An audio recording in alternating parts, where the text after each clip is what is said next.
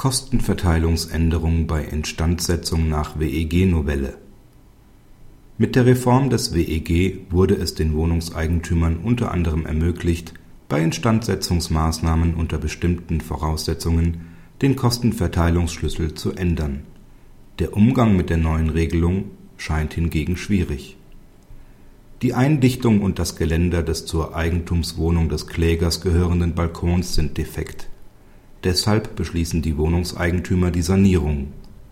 In einem weiteren Beschluss legen sie mit der erforderlichen doppelten Mehrheit nach der Neuregelung des § 16 Absatz 4 WEG fest, dass die anfallenden Kosten allein vom Kläger zu tragen sind. Das AG Oldenburg weist die gegen den Kostentragungsbeschluss erhobene Klage ab. Die formellen Voraussetzungen für eine § 16 Absatz 4 WEG gerecht werdende Beschlussfassung zur Änderung des Kostenverteilungsschlüssels sind erfüllt. Es liegt eine Instandsetzungsmaßnahme vor. Der Gebrauch des Balkons erfolgt ausschließlich durch den Kläger, so dass der Voraussetzung einer exklusiven Gebrauchsmöglichkeit Rechnung getragen wird. Da auch nur ein Balkon betroffen ist, liegt eine Einzelfallentscheidung und keine generelle Regelung vor. Kritik die Entscheidung zeigt deutlich, wozu ein unreflektierter Umgang mit der Neuregelung des § 16 Absatz 4 WEG führen kann. Sie trifft auf zahlreiche Bedenken. Es ist bereits zweifelhaft, ob die durchgeführte Maßnahme nur dem Gebrauch des Eigentümers dient, dessen Balkon betroffen ist. Denn insbesondere die Isolierung dient nicht der Nutzung des Balkons, sondern dem Schutz des Gebäudes und damit allen Wohnungseigentümern.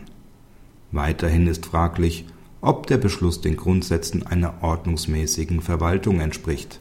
Das wäre nicht der Fall, wenn die Kostenüberbürdung willkürlich in Ausnutzung der nunmehr bestehenden Rechtslage beschlossen worden wäre. Das kann der Fall sein, wenn anderweitige gleichartige Sanierungen bereits von allen Wohnungseigentümern bezahlt wurden oder aber in Zukunft ausgeglichen werden sollen. Dann würde nämlich dem Grundsatz dass die Wohnungseigentümer sich untereinander gleich behandeln, widersprochen. Ausnahmen sind nur bei Vorlage eines sachlichen Grundes möglich. Feststellungen des Gerichts dazu fehlen gänzlich. Dieses Gleichbehandlungsgebot würde auch dazu führen, dass andere Eigentümer von Balkonen die anfallenden Sanierungsmaßnahmen selbst bezahlen müssten.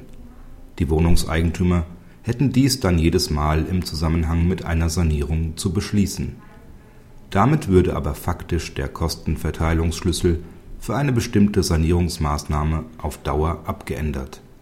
Dies lässt wiederum § 16 Absatz 4 WEG nicht zu. Es kann jedoch nicht angehen, dieses Verbot durch eine Vielzahl von Einzelentscheidungen, sogenannten Kettenbeschlüssen, zu umgehen. Die Entscheidung des Amtsgerichts zeigt, dass Wohnungseigentümern daher nur geraten werden kann mit der gesetzlich eingeräumten Beschlusskompetenz sorgfältig umzugehen und nicht vorschnell von ihr angesichts unliebsamer Kosten zu Lasten einzelner Gemeinschaftsmitglieder Gebrauch zu machen. Der Begriff des Einzelfalls darf nicht überstrapaziert werden. Es erscheint angebracht, diesen immer auf eine bestimmte, für alle Wohnungseigentümer zu beschließende Maßnahme zu beziehen.